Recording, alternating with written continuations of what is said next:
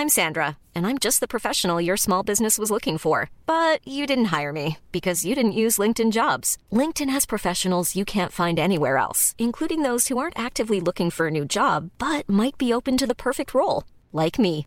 In a given month, over 70% of LinkedIn users don't visit other leading job sites. So if you're not looking on LinkedIn, you'll miss out on great candidates like Sandra. Start hiring professionals like a professional. Post your free job on linkedin.com/people today. Okay, what's the number one reason you should try Instacart? Shopping over 1.5 million unique products from over 1,000 retailers and get everything delivered right to your door in as fast as one hour, all in one app. So you can spend more time with the ones who matter most. Visit instacart.com to get free delivery on your first three orders. Offer valid for a limited time. $10 minimum per order. Additional terms apply. Tony Media. Toen ik nog in een verre buitenwijk van Moskou woonde, zat ik elke dag een kwartier in de metro naar het centrum. De rit ging eerst langs de halte Autofabriek, waar in 2004 40 mensen om het leven kwamen bij een explosie. Vervolgens stapte ik uit bij de halte Tverstraat. Als je daar de onderdoorgang naar het Pushkinplein neemt, loop je langs een klein monumentje. Op deze plaats ontplofte in 2000 een bom. In beide gevallen waren de daders Tsjetsjense rebellen. Je zou denken dat elke Moskouse metropassagier hier op zijn hoede is. Maar dat is niet zo. Mensen vermaken zich op de lange ritten met een sudoku-puzzel of lezen een boek. Niemand kijkt naar elkaar. Laat staan dat je iemand naar verdachte mensen ziet speuren. Dacht ik. Tot er enkele weken geleden een meisje de metro instapte. Toevallig kwam ze naast mij te staan. Het meisje droeg een hoofddoekje. Was ze een moslim? Evengoed was ze op weg naar een of ander Russisch-orthodox klooster, waar hoofddoekjes voor vrouwen verplicht zijn. Ze had een mooi Caucasisch gezicht. Donker krullend haar, donkere wenkbrauwen en bruine ogen. Kwam ze misschien uit Tsjetsjenië? Evengoed kwam ze uit Georgië of Armenië. En al kwam ze uit Tsjetsjenië, wat dan nog? Ze droeg een zwarte rugzak, die behoorlijk bulkig was. Helemaal in combinatie met haar kleine lichaam. Erg op haar gemak leek ze dan ook niet. Of voelde ze zich ongemakkelijk door wat ze in haar tas verborg? Van haar oor naar haar tas zag ik een zwart plastic draadje lopen.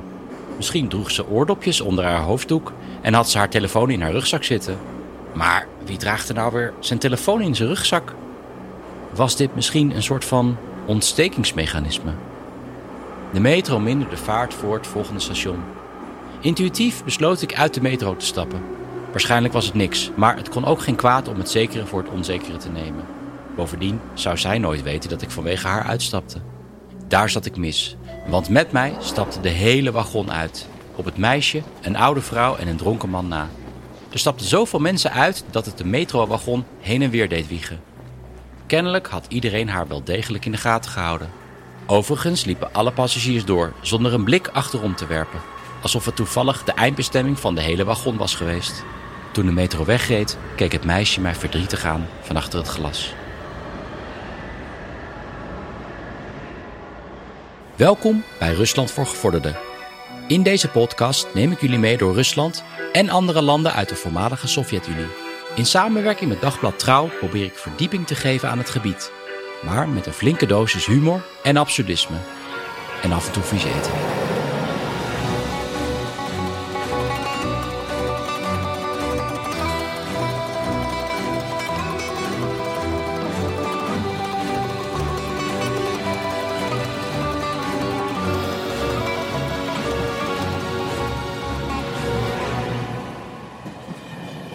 Vandaag gaan we het hebben over de Caucasus, een bergrug in het zuiden van Rusland waar het eigenlijk permanent onrustig is. Aan de zuidzijde van de bergrug liggen Georgië, Armenië en Azerbeidzjan. Georgië natuurlijk een land dat Poetin in 2008 al binnenviel en er een stuk van bezette. Armenië en Azerbeidzjan staan al jaren op voet van oorlog vanwege een klein gebiedje dat Nagorno-Karabakh heet. Een gebied waar ze allebei aanspraak op maken. En aan de noordzijde van die bergrug ligt Rusland. En dat bestaat daar uit een aantal deelrepublieken.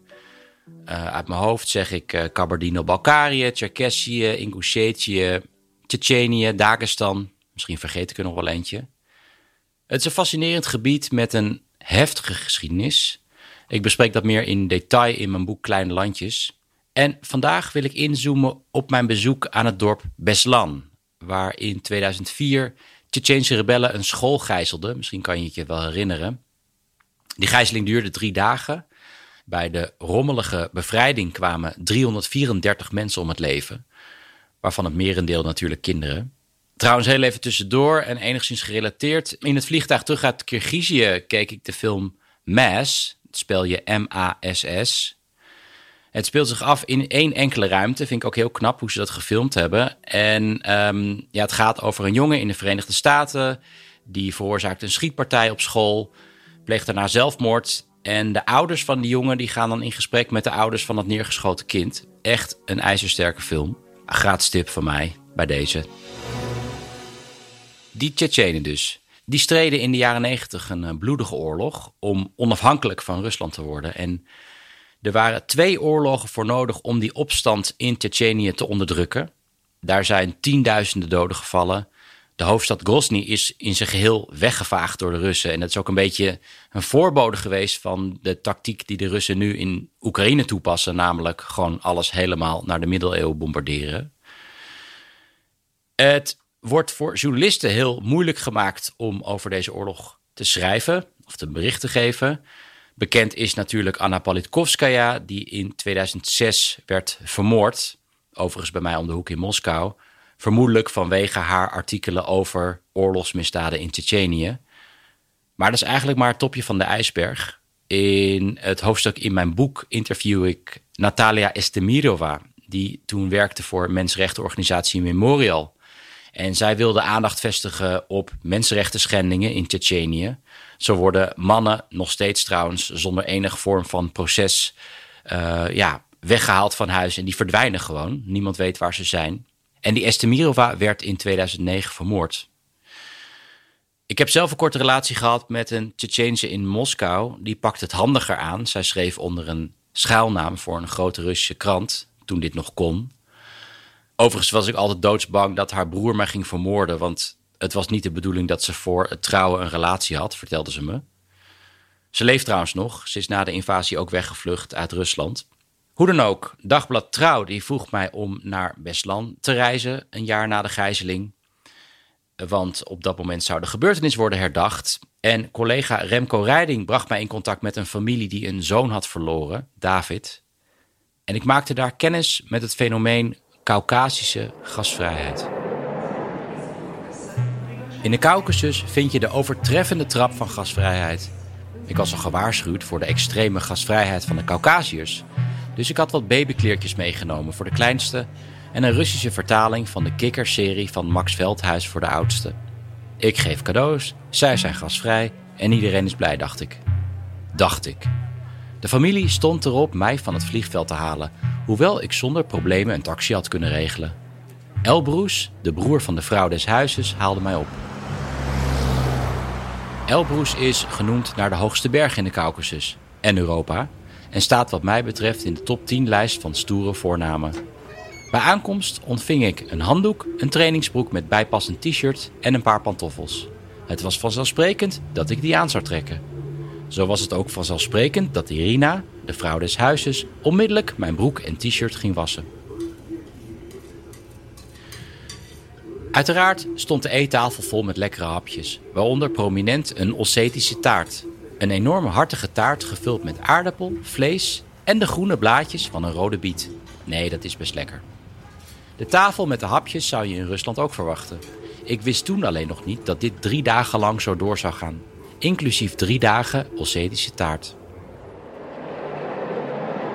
Caucasus is echt inderdaad de overtreffende trap van gasvrijheid. Russen zijn ook al gasvrij, zeker vergeleken met Nederlanders. Ik vertel wel eens dat in Nederland het niet echt de bedoeling is om aan te bellen rond een uur of zes s avonds. Um, want ja, mee eten zonder enige aankondiging, dat kan natuurlijk echt niet. Voor een Rus of een, trouwens een Oekraïner of een Kirgiz is dit echt volkomen onbegrijpelijk. En Russen nodigen zichzelf ook zonder problemen bij je uit. Dat is echt helemaal dikke prima. Ik ben ooit gebeld door een vriend uit Moskou toen ik alweer in Nederland woonde. En hij belde vanaf Schiphol. Hij zei, kom je me halen? Hij had ook helemaal niet van tevoren gezegd dat hij naar Nederland zou komen. En uiteindelijk is hij twee weken bij me blijven logeren. Opnieuw ook zonder van tevoren te zeggen hoe lang. Dat is volkomen normaal voor Russen. Ik heb trouwens ook geleerd om in Russische huizen niet dingen aan te wijzen wat je mooi vindt. Dat is gevaarlijk, want voor je het weet krijg je het dan mee. Maar wat ik in Beslan meemaakte was zelfs voor Russen extreem. S'avonds keken we naar de televisie. Irina vertelde dat ze de televisie hadden gekocht van het geld dat zij kregen als compensatie voor het verlies van hun zoon David. Na het gijzelingsdrama stroomde vanuit de Russische regering en de hele wereld geld het dorp binnen.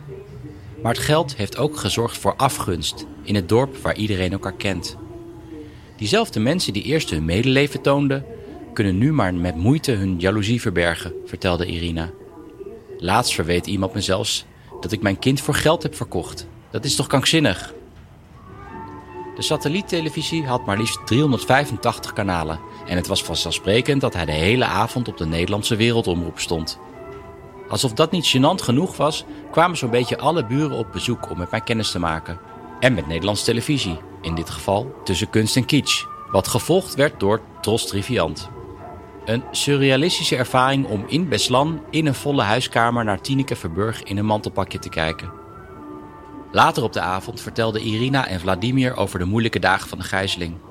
Vader Vladimir wist samen met twee kinderen in de eerste minuten van de gijzeling te ontsnappen.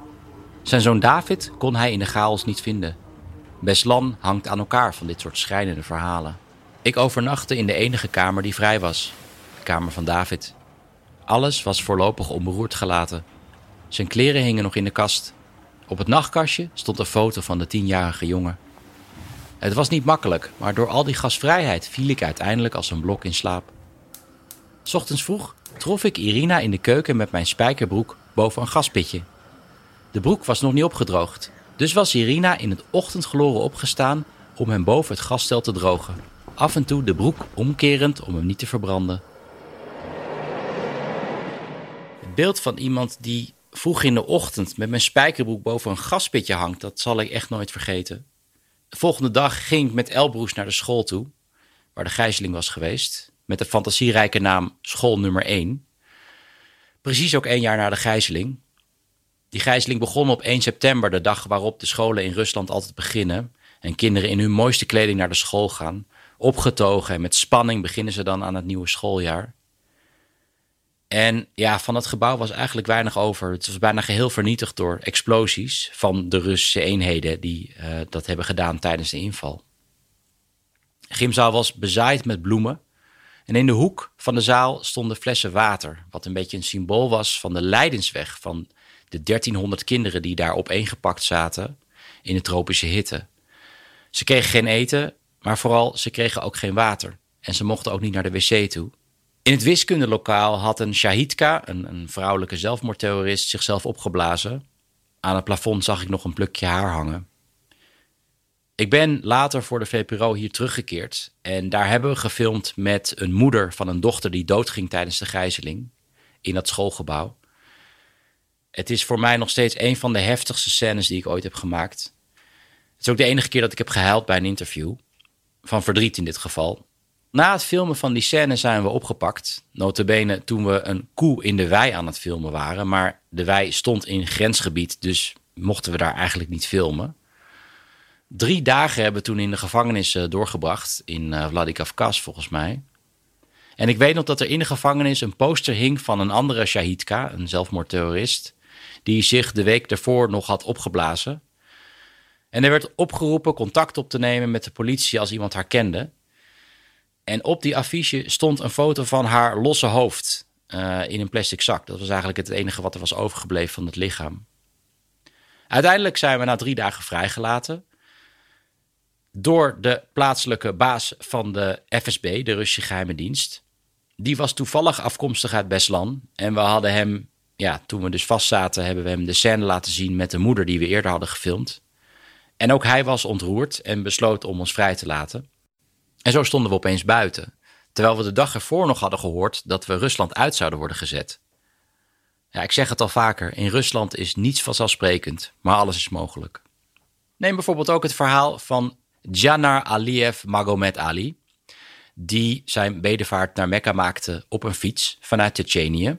Een tocht van 3500 kilometer, waarvan een flink deel door de woestijn. Die man was 64 en om de een van de reden wilde hij heel graag een kaasgaaf uit Nederland. Dus die heb ik toen meegenomen voor ik hem interviewde. Dit is zijn verhaal. Op een dag zag ik mijn moeder in een droom.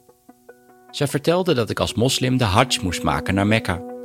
Ik vertelde haar dat ik daar geen geld voor had. Ze zei: Je hebt geen geld nodig, je hebt toch een fiets? Ga op de fiets. Allah zal je begeleiden op de heenweg en ik zal over je waken op de terugweg. Iedereen wil weten op wat voor fiets ik ging. Nou, hij is roze en er zitten geen versnellingen op. Een simpele fiets. Onderweg heb ik zes banden geplakt, vier wielen vervangen en elf keer de ketting er weer opgelegd. Spullen voor reparatie had ik meegenomen. Verder had ik bij me een regias en een Koran. Dat is alles. Ik maakte een hajj, ik ging niet voor mijn lol. De Koran was nog van mijn grootvader. Over de heenweg deed ik twee maanden. Ik reed weg uit Urus Martan. Dat ligt in de buurt van Grozny in Tsjetsjenië. Daarna ging mijn tocht door Azerbeidzjan, Armenië, Turkije, Syrië en een kort stuk door Irak. Of het gevaarlijk was? Wel nee. De meeste mensen waren aardig en behulpzaam. Ze gaven me geld en kleren en onderdak. Mijn grootste probleem was het verkrijgen van officiële documenten. We begonnen al in Tsjetsjenië, waar ik geen paspoort kon krijgen waar ik mee naar het buitenland kon reizen. Daar moest ik eerst iemand voor omkopen. Voor Irak had ik geen visum. Bij de grens kon ik gewoon doorfietsen. Maar na 20 kilometer werd ik aangehouden door Amerikanen die woedend waren. Ze hebben mij hardhandig het land uitgegooid. Bij de grens met Saoedi-Arabië wilden ze mij niet geloven. Ze zeiden: Niemand komt zo ver op de fiets. Wat ben je, een man of een kameel? Ik zei: Allah heeft over mij gewaakt en het is door hem dat ik zo ver ben gekomen. Dat was voor hun niet genoeg en omkopen ging ook niet. Ik moest helemaal terugfietsen naar Amman om een functionaris om te kopen. Deze man bracht mij met de auto naar Mekka. In Mekka waren veel mensen verbaasd over mijn tocht. De terugreis was erg vermoeiend. Het eerste stuk moest ik door de woestijn. Ik had alleen water en brood bij me.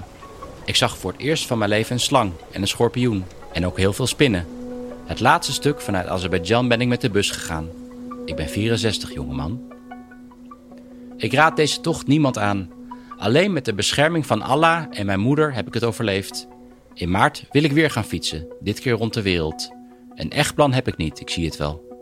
Mijn hart zit erop, ik ben een gelukkig man.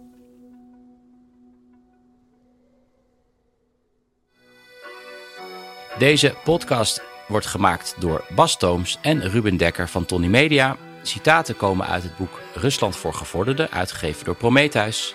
Tot de volgende keer.